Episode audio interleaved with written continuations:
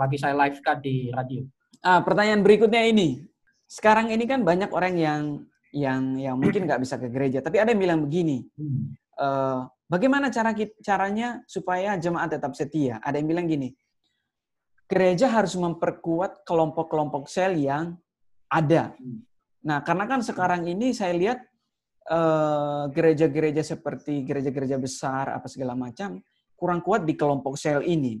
Nah, kalau misalnya hmm. itu dengan situasi ibadah online ini, berarti orang akan hmm. dengan mudah sekali untuk berpindah ke gereja lain. Nah, ya. nah bagaimana menurut Bapak, apakah uh, memperkuat kelompok sel ini adalah salah satu solusi untuk agar jemaat itu tetap setia dalam uh, di gereja lokalnya, atau apakah ada solusi lain? Kira-kira seperti apa, Pak? Ya, sebenarnya uh, apa? Sebenarnya dan harusnya lebih intens, lebih efektif dan lebih efisien efisien dalam intensitas uh, hubungan uh, batin uh, apa gereja ya antara pemimpin juga uh, dengan jemaatnya. Uh, karena sekarang jarak tidak masalah lagi. Kata waktu lalu kan ibadah kita kan uh, apa namanya sorry.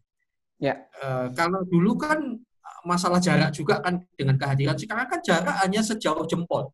Sejauh ya. betul kan? jempol ya. Harusnya betul. tidak masalah lagi.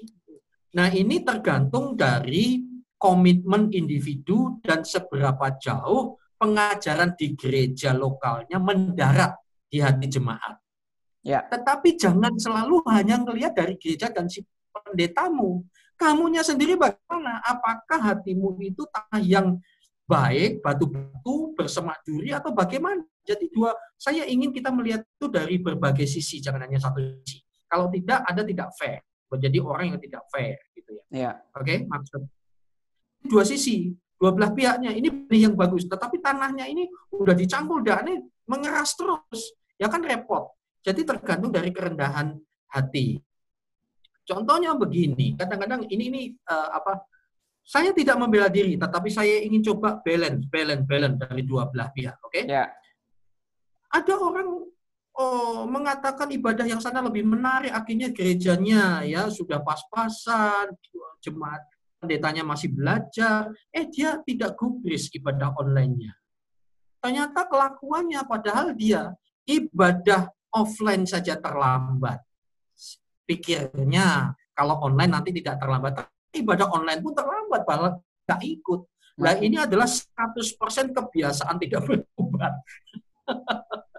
gitu. Masih masih Jadi intinya, masih ngebalas WA segala macam ya. Oh, ibadah offline aja. Iya, tidak serius, tidak duduk, uh, tidak ini sambil tiduran itu kan tidak menghormati itu. Sementara Betul. gerejanya lagi mempersiapkan sungguh-sungguh dengan waktu ingin tampil lebih bagus, bahkan kalau boleh lebih bagus yang lain. Ini perlu dihargai loh. Betul. Perlu dihargai. Oke. Okay? Ya, menurut, menurut saya nah, sekarang di baik gereja mau jemaat.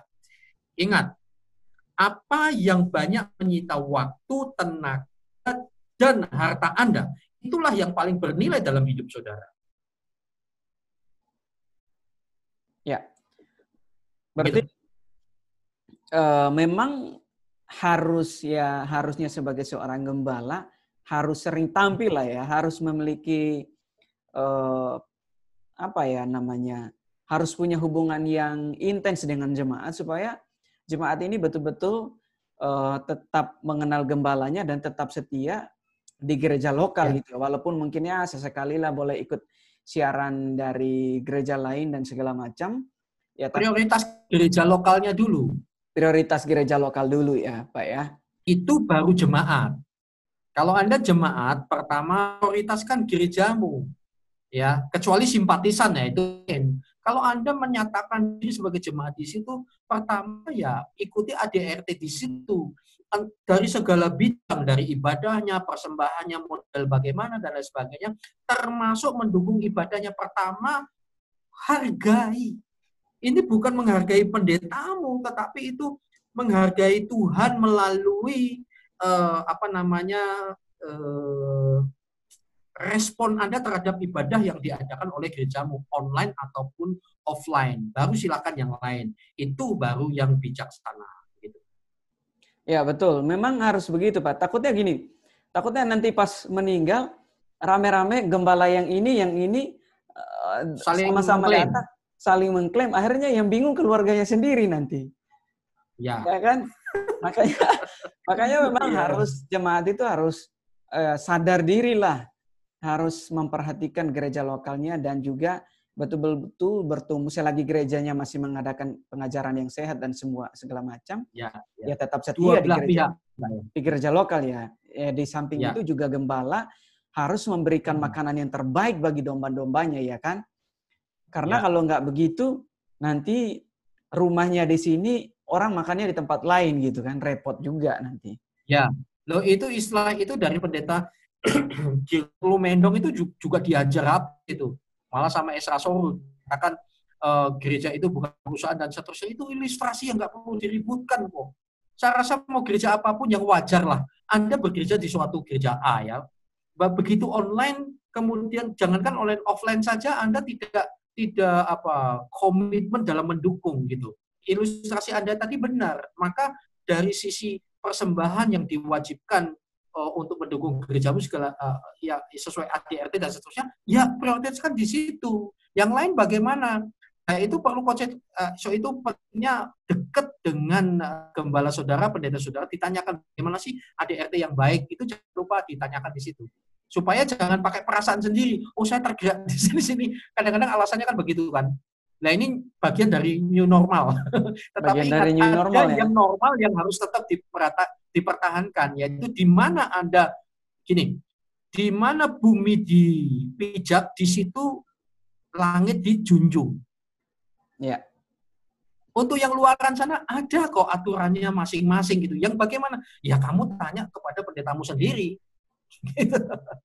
Nah, Betul. kemudian gini, kenapa saya ngomong komitmen kepada gereja? Sepanjang gereja Anda satu dia menjalankan misi amanat agung dan uh, apa uh, mengajarkan yang alkitabiah itu ya.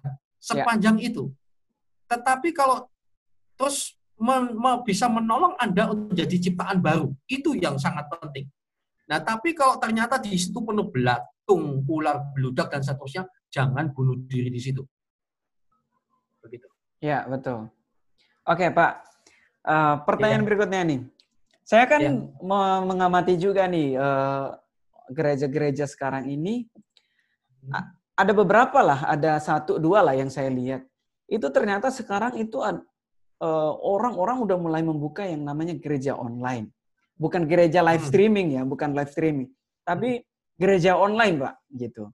Nah, dan saya lihat ke depannya, wah saya lihat dengan situasi sekarang ini, Hmm. akan ada banyak orang yang akan mungkin ya dulu gembala saya udah ngomong ke depan pasti akan ada gereja online gitu dan hmm. ternyata wah nggak berapa berapa tahun gitu ternyata kejadian itu sudah ada dan sekarang banyak orang yang membuat gereja online nggak ada jemaatnya dia live dia live ya kurang lebih seperti ya pemain uh, band sekarang ini mereka live streaming dan segala macam dan ya. banyak pendukungnya gitu, banyak yang menonton gitu. Nah, gimana nih respon gereja-gereja konvensional terhadap persoalan ini nih, Pak? Itu tidak bisa ditolak. Bahkan Anda pun harus online kan sekarang. Ya. Sebelum wabah COVID-19 ini juga sudah ada gereja online, malah dikecam-kecam kan gitu. Bahkan persembahannya pun online. Iya, iya. Ya, saya saya ingat betul. Saya ingat betul waktu waktu gereja gereja lokal saya itu membuat hmm. uh, aplikasi yang bisa uh, jemaat memberikan persembahan itu dikecam habis-habisan. Ya. Tapi nggak lama Kecam kemudian habis. itu pada banyak yang ikut, banyak yang datang belajar ke sana dan segala macam gitu. Wah, makanya saya bingung juga. Ya, so itu cara pandang kita pakai kacamata Tuhan Yesus lah yang bening, lihat warna aslinya, cara lihatnya gitu. Kita kita itu jangan biasakan gini loh, kamu salah. Kenapa? Karena kamu beda dengan saya. Beda itu tidak salah. Kalau beda dianggap salah, wah ini masalah. Ini ini orang-orang yang tidak rendah hati gitu loh. Uh, Oke? Okay? Nah, ya. menanggapi hal tersebut, ya sekarang suka tidak suka harus online kan? Kemudian ya anda-anda yang selama ini konvensional ya di online kan saja gitu aja kok repot. Nah, apakah seperti tadi, tidak usah nunggu kaya, tidak usah nunggu equipment dengan apa yang ada lah. Pinjam dulu nggak apa-apa, nggak apa-apa. Kan untuk pekerjaan Tuhan. Kalau paham maksud saya. Nah, kenapa demikian? Sekarang gereja harus online. Gereja konvensional yang saya pimpin ini belum, aduh masih gereja baru dirintis lah, baru dirintis ya. Mulai dari garasi di garasi aja sudah online. Wah, ya. udah dari garasi aja udah online ya. Berarti benar-benar ya. gereja uh, Bapak ini siap banget ya dengan kondisi new ya. normal ini ya. Betul, gitu. Sampai sekarang saya nggak punya gedung gereja, saya nggak punya tanah. Bahkan kuburan saya di mana pun saya nggak tahu. gitu. Sih, saya, saya percaya pastinya di tanah, Pak. Oh ya. Hmm. Nah, dan betul betul. Eh, Pak, Pak, Pak, saya tahu betul Pak Heri ini kalau nggak salah gerejanya itu ada di hotel, Pak ya? Nah, sekarang di hotel. Pikirnya, di hotel. luar biasa hotel. Itu kasih karunia Tuhan. Iya, saya pernah bertemu dan walaupun saya nggak sempat ge lihat gerejanya ya. langsung, tapi saya per pernah hmm. bertemu Pak Heri dan betul uh, beliau ini menurut saya gembala yang cukup luar biasa ya. Beliau ya, ini harus mulai, harus mulai harus, dari satu keluarga loh. Ya, mulai dari satu keluarga dan akhirnya sekarang mulai banyak dan menurut saya gembala ini juga bukan dia mau berdagang berbisnis ya, tapi dia betul betul-betul tuh mau berusaha bagaimana menghidupkan gereja itu sendiri ya, karena saya ya, sebagai ya. orang-orang orang yang keliling pak ya, sebagai orang yang keliling ke gereja-gereja di seluruh Indonesia lah gitu. Saya keliling lah banyak gereja gitu, banyak gereja yang hanya berdiam diri, Pak. Gembalanya berdiam diri dan hanya menunggu persembahan dari jemaat gitu. Nah, bukan ya. berarti ya sekarang kan memang banyak pro kontra, gembala nggak boleh berbisnis segala macam. Tapi bagaimana ya. dengan kondisi jemaat yang tidak mampu menghidupkan gereja gere, uh, gembalanya gitu. Nah, hmm. artinya kan gereja harus kreatif, gembala harus kreatif bagaimana menghidupkan pelayanan gitu. Nah, hmm. saya saya lihat dari Pak Heri ini juga uh, menangkap persoalan ini dari awal. Makanya saya uh, ketemu beliau, wah ini gembala gokil banget. Bahkan beliau buka kafe sendiri, menurut saya ini kafenya ini kafe pelayanan. Ya. Kenapa? Di kafenya itu dia di di dinding-dinding kafenya itu ada ayat Alkitab dan segala macam. Bahkan orang-orang dari agama lain itu bisa berfoto di sana tanpa foto di bawah ayat Alkitab mereka nggak sadar kalau itu ayat Alkitab gitu. Padahal bukan agak bukan yang non Kristen lah gitu. Mereka nggak sadar kalau itu Alkitab, tapi di dimodifikasi demikian rupa dan memang betul gereja yang konvensional jangan alergi dengan ibadah online. Ya kata kuncinya di situ Pak ya, jangan ya. alergi dengan ibadah ya. online. Gereja konvensional harus mau membuka diri, mau mulai kreatif untuk mengonlinekan. Ya. Mengonlinekan apa mau, yang mau tidak mau harus. Harus ya harus harus ya. online ya, ya gitu pak ya. Mengenai tadi pendeta usaha dan lain sebagainya ya uh, ada yang ngomong pak pendeta itu kan uh, pelayanan uh, seorang hamba harus hidup dari Injil kan begitu? Ada Alkitabnya kan? Ya. Nah mengenai ini bisa banyak tafsir Uh, pertama dia full time di situ. Ya saya pun maunya full time supaya seperti Paulus bahwa supaya saya bisa uh, supaya aku bisa memusatkan perhatian kepada pelayanan firman dan doa. Saya juga mau seperti itu. Tapi kalau namanya masih merintis dan apalagi kondisi Covid begini, ya semuanya serba sulit. Apakah saya mau peras juga? Kan tidak mungkin kan. Dan ya. itu sangat sensitif sekali dalam kondisi ini ngomong ayo persembahan, silakan transfer dan seterusnya. Sensitif sekali, ya. Kalau nggak dikasih tahu nggak ngerti, nggak kasih tahu juga ngerti juga, kan gitu. Nah itu pentingnya mandiri uh, pertama sebenarnya hamba Tuhan itu full time. Tapi kalau kondisinya tidak mungkin, ya karena dari kaum Lewi itu kan juga harus didukung, bahkan para raja jemaatnya yang mendukung para full timer itu. Tapi ya. kalau tidak mungkin, tidak salah kita harus bekerja. Hamba Tuhan juga semuanya bekerja. Yang penting gini, hidup dari Injil, hidup dari nilai-nilai Injil. Sepanjang engkau jualan bakso online-nya, kemudian ayam geprek mozzarella-nya, Semua ya. adalah tujuannya Kolose 3 ayat 23. Apa pun juga yang kamu perbuat diperbuatlah dengan segenap hatimu, hatimu uh, seperti untuk Tuhan, bahkan bukan hanya seperti untuk Tuhan, untuk Tuhan. Maka itu jauh lebih rohani daripada engkau pelayanan diam-diam kayak gitu, engkau pikiranmu amplop amplop amplop amplop itu namanya bisnis di balik pelayanan. Sementara pelayanan pikirannya amplopnya berapa? Itu malah lebih lebih bisnis daripada bisnis itu sendiri. Mending saudara cari duit, kerja, lalu oh, duitmu itu kok pakai untuk melayani Tuhan, itu jauh lebih rohani. Tetapi ya. kalau bukan panggilan ya jangan. Kalau Anda semuanya itu ya seperti tadi ya, ada yang memberitakan Injil karena A, B, C, D, E, ya sudah semua yang penting Tuhan diberikan aku bersuka cita. Tapi bicara motivasi kan kita jangan menghakimi gitu. Yang penting dari lah kau lihat orang itu, bagaimana pelayanan, kan seperti itu. Saya sedih juga. Ya, kenapa kok seperti itu tadi? saya tahu uh, Ridho ini udah keliling Indonesia ya waktu itu dengan uh, apa ya proyek uh, program misinya yang luar biasa. Biasa uh, di luar pak? Uh, ya uh, luar biasa biasa di luar. Nah uh, karena sisi lain begini ya maklum itu pasti pendidikan awal di sekolah Alkitabnya. Pertama itu, toh. Ya, berarti uh, pengaruh kemudian, basic pengetahuannya juga, Pak ya. Basicnya, uh, basic uh, akademisnya. Terus yang kedua, dia kurang membuka diri fakta di lapangan, gitu ya. Ya. Ya, seperti itu. Nah, tapi seyoknya kalau ada hamba Tuhan di new normal kayak begini ya, akhirnya mau tidak mau harus kerja, dia harus menghidupi keluarganya. Ini kan sesuatu yang yang realistis ya. Ya sebaiknya jangan menjadi direct seller, direct seller, menjadi penjual langsung sebaiknya. Kalau untuk merintis nggak apa-apa, tapi sebaiknya nanti Anda siapkan orang lain, bahkan bisa menciptakan lapangan pekerjaan bagi yang lain dan sebagainya. Bisa Tapi juga semuanya satu bangun. Ya? Bisa juga menciptakan lapangan pekerjaan bagi jemaat-jemaat yang mungkin, Pak ya. Uh, ya, tapi itu pun juga tidak gampang loh. Tidak semudah apa teori yang saya sampaikan karena fakta yang saya alami bahwa usaha dengan melibatkan jemaat maksud baik untuk menciptakan ini untung tidak untung itu bisa dua kemungkinan satu bisa menciptakan sinergi yang lebih besar dua malah bubar ambiar Oh, bisa ya. bisa. Ya, itu tergantung dari inilah eh, kerendahan hati masing-masing. Iya. Jadi seperti itu. Ya, ya. harus terbuka. Harus kreatif sekali. Ya, harus tetap kreatif gitu, Pak ya.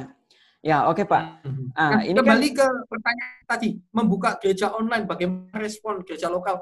Ya mau mau Anda harus mau gitu ya. Amin amin Anda harus main amin. Kenapa? New normal ini bagi saya ini adalah cara Tuhan menolong gerejanya. Semuanya kan harus online nih.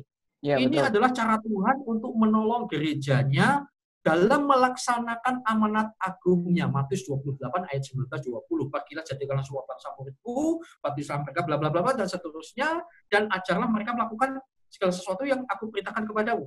Ya. Beritakanlah, pergilah ke seluruh dunia. Bagaimana? Saya dulu pikirnya itu kehadiran. Ternyata enggak. Hari ini saja Amerika ada yang nonton. Ini ada Pak Maram Syondin di Jakarta. Terus yang lain-lain ada dari luar-luar daerah ini ada di Facebook kita. ya. Wah, luar ini biasa. nanti begitu selesai tersaving dan uh, pelayanan ini ya yang digital ini ini nilainya kekal.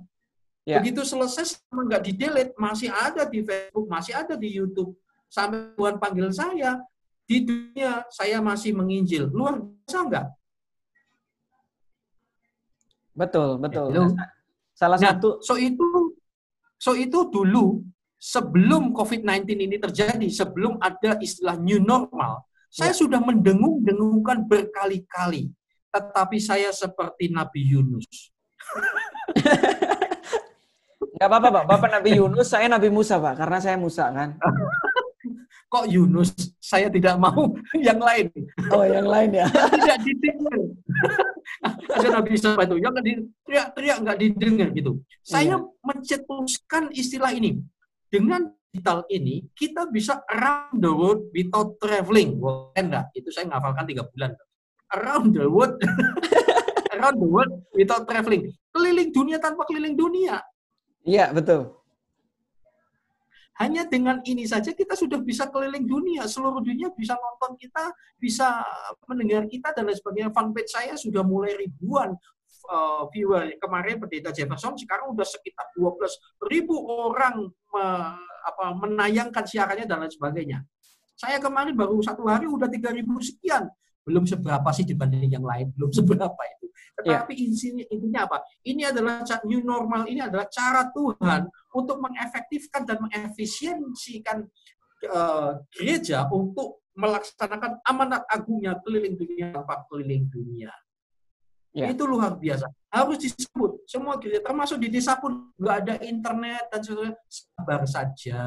Sedang belum new normal waktu lalu saja, pemerintah sudah mengadakan proyek desa internet kan itu pasti akan terjadi kok di sana.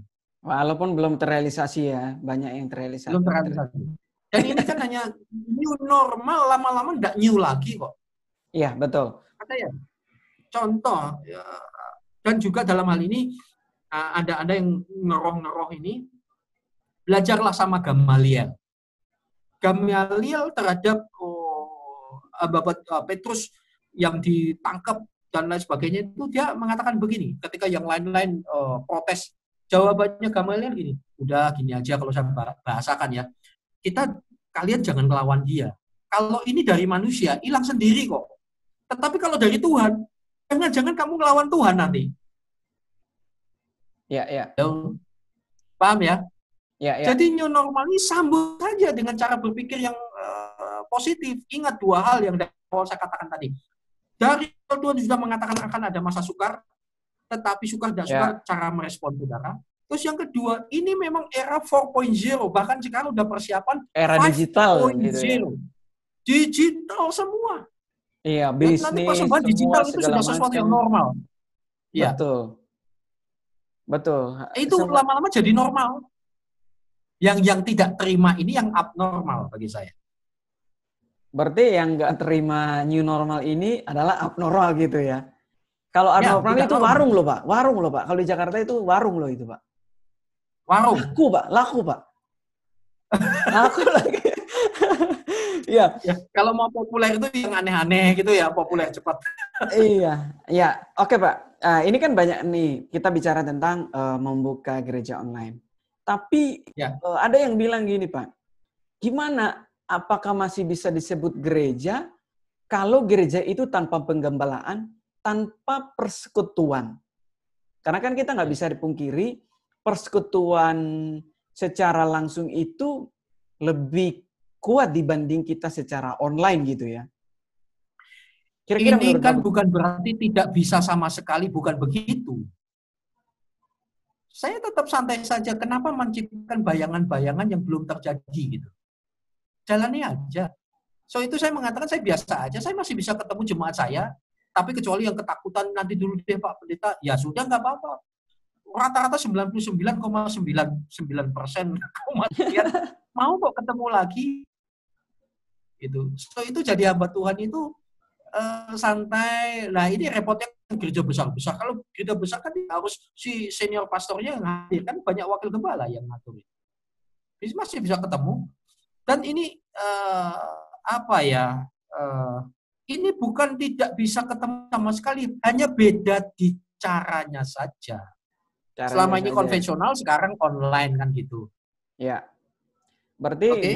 ya ibaratnya gini.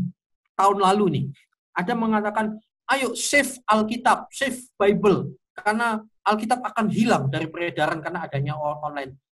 Alkitab sampai kapan pun tidak akan hilang karena firman Tuhan mengatakan selama langit bumi tidak berlalu, Alkitab itu uh, firman Tuhan tidak akan berlalu. Hanya beda ya, ya. hanya beda bentuk. beda bentuk ya. ya. Bentuknya dari yang uh, Alkitab manual menjadi digital kan begitu, tapi isinya kan sama. Ya. Hello. Iya, iya, iya. Iya toh? Ada iya. orang ya. yang anti Alkitab digital. Ya sudah, saya maklumi aja nggak usah dikendam. Ya dia kan kuper. Uh, sekarang nggak bisa anak muda hanya beda bentuk saja. Ini tantangan, tantangan bagaimana beda bentuk ini, tapi nilai dampak dan seterusnya itu tidak berbentuk. Itu yang itu tantangannya di situ. Ya. ya. Nah, bagaimana dengan gereja-gereja yang yang bukan konvensional tapi memang mereka tuh murni online seperti yang saya uh, kasih contoh tadi, memang mereka itu hanya mengadakan siaran tok gitu. Tanpa uh, mereka ada organisasinya seperti itu.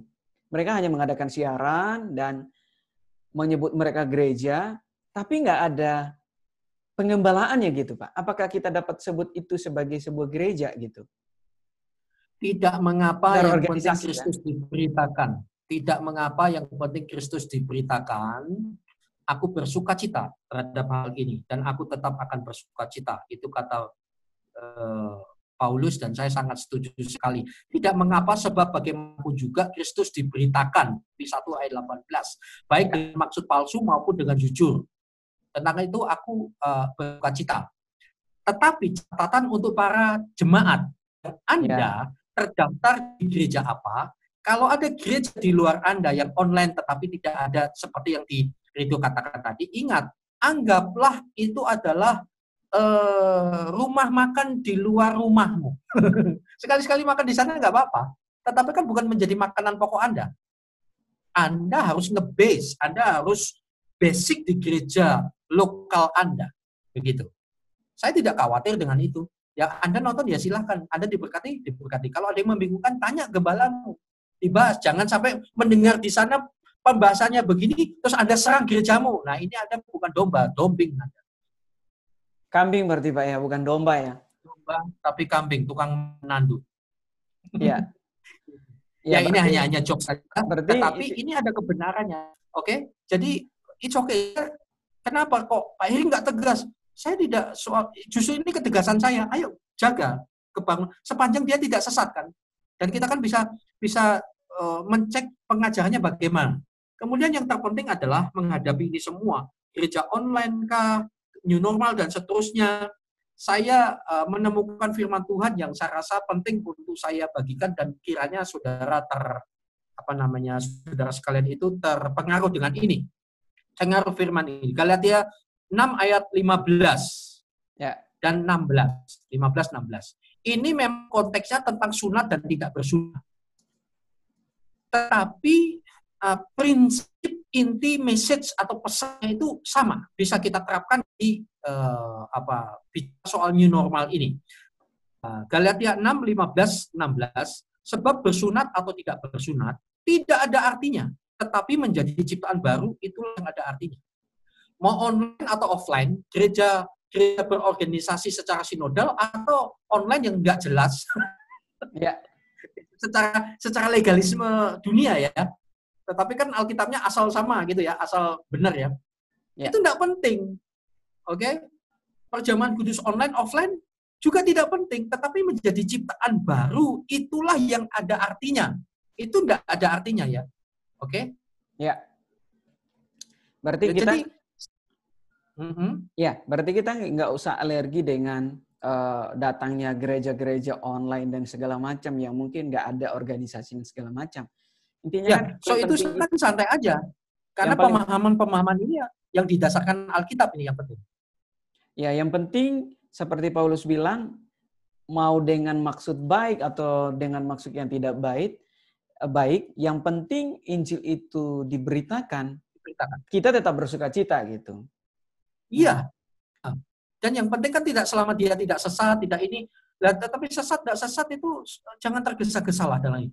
Sesat kalau dia ngaku Kristen tetapi dia tidak mengakui adalah Tuhan, nah itu sesat. Ya. Sesat kalau kultus individu itu sesat.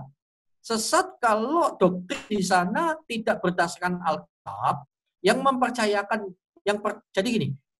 Uh, di luar online atau offline, pemberitaan Injil itu yang benar satu. Ya. Yang benar kalau satu dia mempercayai Yesus adalah Allah yang tunggal.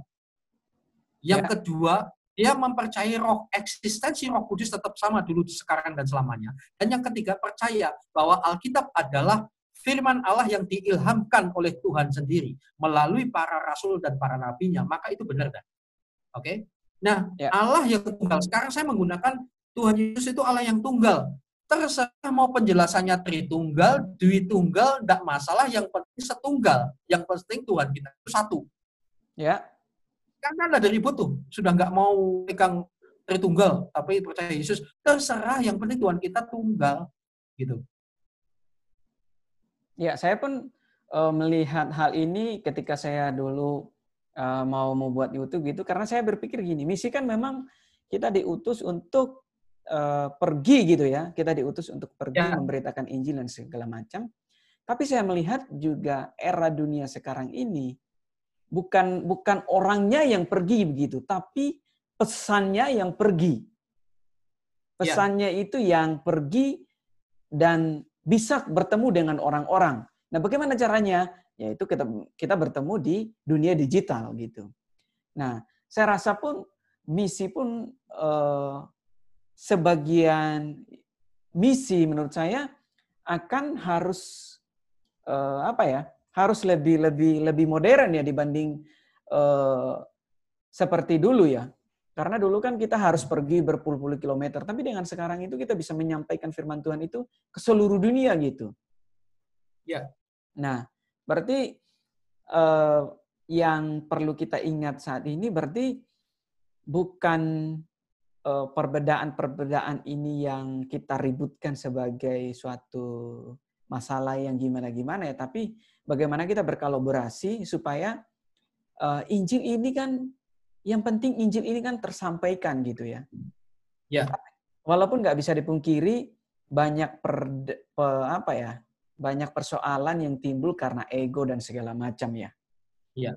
Nah, gimana closing statement Pak Eri? Kira-kira apa yang mau disampaikan Bapak untuk ya baik gereja di kota ataupun di desa karena nggak semua itu gereja yang menangkap hal-hal seperti ini. Karena saya lihat pun gereja-gereja di kota pun banyak yang mereka ada di kota, tapi pemikiran mereka itu masih konvensional banget gitu. Nah, dan sebaliknya ada gereja di desa, tapi pemikirannya itu sangat visioner, sangat open mind, sangat luar biasa gitu, bisa melihat ke depannya gitu. Nah, kira-kira hmm.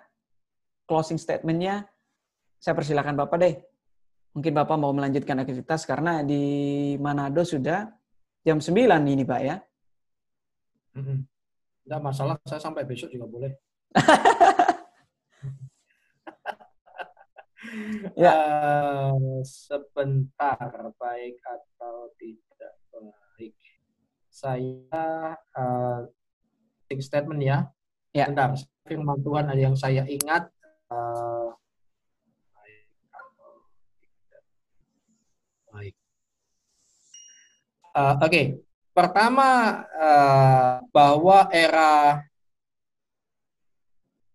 era digital ini tidak bisa ditolak. Bahkan Anda suka tidak suka, Anda harus suka. Dan 2 Timotius ya. 4 ayat 2, beritakanlah firman, siap sedialah, baik atau tidak baik waktunya. Nyatakanlah apa yang salah, tegurlah dan nasihatilah dengan segala kesabaran dan pengajaran. Itu dia. Jadi baik atau tidak baik harus lakukan itu. Oke. Nah, sekarang kita jangan kaget. Yang jelas Tuhan sudah mengatakan jauh-jauh hari. Terus yang kedua kita masuk 4.0 dan bahkan 5.0. So itu kita harus ATM, mati tiru modifikasi, tidak yeah. harus jadi kreator tetapi inventor, pengembang dan kreatif aktif saja, sekalipun kiri dengan apa yang ada seperti Musa, apa yang ada padamu, tongkat-tongkat itu diserahkan kepada Tuhan untuk diurapi, maka tongkat itu mengatakan mujizat yang luar biasa. Kemudian uh, tidak penting online atau tidak online itu tidak ada artinya. Kembali ke Galatia uh, 6 ayat 15 16. Online offline besar kecil gerejamu uh, kemudian komsel online, offline, dan lain sebagainya, uh, itu ada artinya. Anda Protestan, Anda karismatif, karismatis, Pentakostal, Pantekostal, Pantai Ancol atau apa pun juga tidak ada artinya. Ya. Tidak ada artinya. Tetapi menjadi ciptaan baru itulah yang ada artinya. Penutup ayat 16 dan semua orang yang memberi dirinya dipimpin oleh patokan ini turunlah kiranya damai sejahtera. Jadi saat, saat ini saya santai Pak, ya Orang mau pandangannya bagaimana, yang ini keras, yang ini apa, saya santai aja. Pokoknya patokannya kamu jadi ciptaan baru atau tidak. Nah, Anda kalau di ya. sebuah ya. gereja yang jelas-jelas tidak bisa merubahmu, tidak membawa perubahan pada menjadi ciptaan baru, jangan bunuh diri di situ. Gitu. Temukan gereja yang Alkitabiah, satu percaya Yesus adalah Tuhan yang tunggal, terserah pengajarannya Tritunggal, Tritunggal yang penting setunggal, satu. Yang kedua, percaya eksistensi Roh Kudus. Kalau demikian, maka pasti percaya bahwa Alkitab itu adalah firman yang diilhamkan Allah. Maka pengajaran itu sudah Alkitabiah. Tapi kalau tidak ini, segera keluar dari tempat itu. Sekarang banyak pilihan, dan sekarang mendaftar pun tidak dengan kehadiran online pun juga bisa. Tapi jangan lupa saudara, Anda harus tetap komitmen di gereja Anda sesuai ADRT-nya. Jangan saudara di sebuah gereja tetapi ADRT yang saudara inginkan gereja lain. Padahal dasar orang pelit. Ya, dasar orang yang tidak mau berkorban, tidak seimbang, maunya menerima makanan yang sehat, tetapi kontribusi sedikit pun tidak. Malah ngecam-ngecam. Anda ini adalah troublemaker. Jadi terus, tapi juga ingat hamba-hamba Tuhan yang yang baru mulai main digital, ingat Anda ya. zaman sekarang mudah sekali untuk menjadi populer. Kalau sudah populer, jangan dipikir kalau sudah populer itu mengasihkan. Malah sering kali mengesalkan. Karena seperti memanjat pohon kelapa semakin tinggi, goyangannya semakin kuat. Banyak, ya. banyak haters ya Pak ya? Iya. Saya ini siapa sih? Belum apa-apa udah ada yang hater. Iya, kalau itu sih oke okay lah terkenal di dunia dan akhirat ya, terutama di Pak, saya yang penting di akhirat aja, Pak. nah, ketemu hater dan jangan lupa Anda akan ketemu dua jenis orang yaitu tipe SPBU dan tipe damkar. SPBU, oh Anda sudah kurang bensinnya, semuanya kurang. Anda, oh ya Pak maju terus nggak apa-apa, pakai HP jadul yang penting ada HP kayak ulek-ulek nggak apa-apa, pakai aja maju terus caranya begini ini malah ditolong apa yang bisa saya bantu gitu ya, yeah. bukan apa yang bisa saya banting. Nah ini tipe SPBU. Tetapi Anda juga akan ketemu dengan yang tipe damkar. Sementara saudara berkobar-kobar, ah Pak ya udahlah nggak usah cari uh, popularitas begini begini begini Loh itu kan bukan urusan Anda, yang tahu kan di hati kita, Tuhan dan Facebook. ya. Iya, Dalam betul. hal ini saya banyak belajar. Saya belum apa-apa, ternyata saya sempat beberapa YouTube saya harus saya uh, apa setting sembilan rupa supaya orang nggak sembarangan komen dan seterusnya. Uh, tetapi saya sarankan kepada saudara sekalian ya, sekarang fokus pada visi yang Tuhan percayakan kepada Anda dan gereja Anda. Fokus di situ saja. Ya anjing menggonggong kafilah berlalu. Itu kalau di tetapi kalau di anjing menggonggong kafilah bikin RW. Beda ya, Pak ya. Anekdot. Ini hanya anekdot saja ya, jangan diambil hati. Artinya jalan terus. Dari buahnya lah engkau lihat orang itu dan ingat yang ada artinya adalah kalau kita menjadi ciptaan baru. Ciptaan baru yang lama sudah datang, sesungguhnya baru sudah datang. Begitu. Begitu. Ya, berarti eh, bukan kita berdiam diri dan malah menolak gitu. Karena kan perubahan ini nggak nggak mungkin mundur, tapi maju terus. Artinya gereja ya, kita tidak bisa menolak. harus benar-benar mau tidak mau harus berubah. Harus ya. berubah dan mau membuka diri belajar lebih lagi, mulai dari apa yang ada dan uh, kalau masih ada yang mungkin gengsi dan segala macam, yuk mulai berkolaborasi berarti ya. Iya, mulai satu dengan yang lain. Udah eranya ada yang yang anda ada yang punya kemampuan, bantulah gereja-gereja yang lain. Anda melihat wah ini equipmentnya.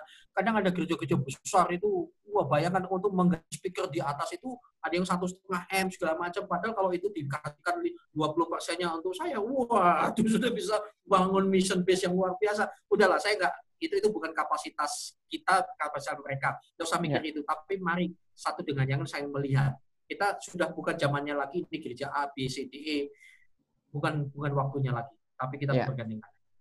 Dan new normal ini, ya mungkin sekarang bagi kita itu new normal, tapi seperti yang Pak Heri bilang, lama-lama ini bukan sesuatu yang new lagi kok. Nanti malah sesuatu sesuatu yang biasa, yang mengasihkan dan biasa mungkin aja nanti. fun banget bagi kita. Dan mungkin lagi akan ada lagi new normal yang lain gitu ya. Nah, makanya dulu kan komputer dibilang anti kris, kemudian ATM, kartu kredit dibilang anti kris. Padahal itu hanya kemajuan teknologi.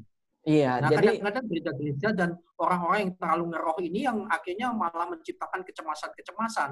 Nah, gereja yang nggak benar itu malah termasuk ini ya aliran yang terlalu ngeroh itu sering kali eh, apa ini kelemahannya mereka ya, tapi tidak semua.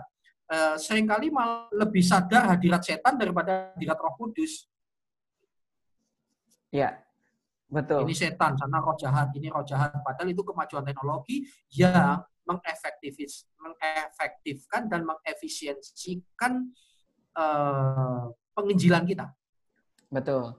Dan ya kita nggak perlu alergi, eh, kita terus berubah dan juga dari jemaat ya harus harus lebih uh, tahu diri gitu ya. Kata kasarnya gitu ya, ya, ya. kasarnya gitu tahu diri dan mau mengambil bagian dalam pelayanan gereja mungkin bagi gereja-gereja yang mungkin belum uh, bisa menggunakan teknologi dengan baik, kan banyak jemaat yang uh, bisa menggunakan teknologi. Yuk, mari bantu gereja, gereja saudara, ya. dan tetap setia dan gembala pun nggak usah takut gitu pak ya, nggak usah alergi ya. dan segala macam. Kalau ya, memang belajar sama yang tanya-tanya gitu. Kalau memang uh, mau belajar ya udah belajar sama yang lain nggak usah gengsi segala macam. Para kritikus-kritikus ini, saya para kritikus kritikus kritikus kamu jangan banyak ngomong. Bantu aja siapa yang kamu kritik itu iya gitu. betul. Termasuk tadi ya wah hamba Tuhan ini kok kerja segala macam. Loh hamba Tuhan idealnya di full time. Saya pernah ngomong oke saya akan berhenti tidak jualan online lagi tetapi kamu bisa nggak dukung saya uh, apa kebutuhan saya itu aman betul minimal 30 juta per bulan bahkan 50 mestinya. Bisa? Kalau nggak bisa, you diem dah. Karena yang saya lakukan untuk Tuhan. Iya, betul. Karena kan gini, uh, saya kalau kalau kita baca pun Alkitab dengan baik kan sebenarnya Paulus juga dia membuat tenda untuk uh, menghidupkan pelayanannya. Makanya sebenarnya banyak contoh, banyak contoh. Seperti yang haters-haters lakukan itu, saya anggaplah haters lah orang-orang kayak gitu ya. Ya, ya cuman bisa ngomong tanpa berpartisipasi gitu ya. Dan ya, ya ya yuk mari bantu jangan jadi haters lah ya tapi jadi uh, partisipan yang aktif gitu ya partisipan dan lain sebagainya semua termasuk jemaat ini ayo dukung gerejamu apalagi yang melek media itu wah dukung nggak bisa bisa Iya. Ya. Dan gereja nggak usah alergi dengan gereja-gereja online yang akan datang, tapi mari kita berubah. Yang penting Injil itu disampaikan dan didengar ya. oleh orang-orang yang ya. membutuhkan Injil seperti itu, Pak ya. Ini tanda akhir zaman loh. Pemberitaan firman Tuhan di, setelah Injil diberitakan ke seluruh dunia, baru kesudahan waktunya. Hati-hati. Ini ya perhatian, ini kata Tuhan.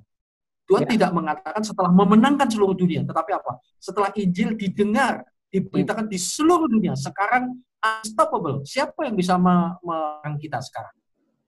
Betul. ya toh? Betul. Malah Tuhan pakai pemerintah untuk tidak boleh ibadah uh, konvensional sekarang online. Wah, itu cara Tuhan di mana kita tembus ke seluruh dunia. Berarti ini juga Baru Tuhan akan tanda-tanda juga bagi kita kan ya.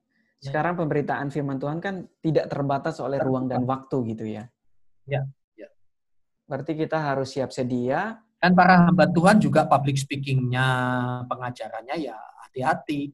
Anda punya saingan berat, harus banyak belajar. Dan belajar sekarang tidak susah seperti dulu. Ya, Gampang ya, Termasuk kemampuan IT, tanya Mbah Google. Di sana ada tanya tentang surga, tanya neraka juga ada, tanya tentang politik bisa, radio teknis, live recording dan lain sebagainya, sampai cara bikin ketupat itu ada. Ya betul, sampai bikin lontong segala macam ada pak ya. Nah, ah, nah iya. saran saya juga bagi teman-teman mungkin uh, ada yang berpikir perlu canggih dan segala macam. Contohnya salah satu nah, Pak, nah. Pak Heri ini okay.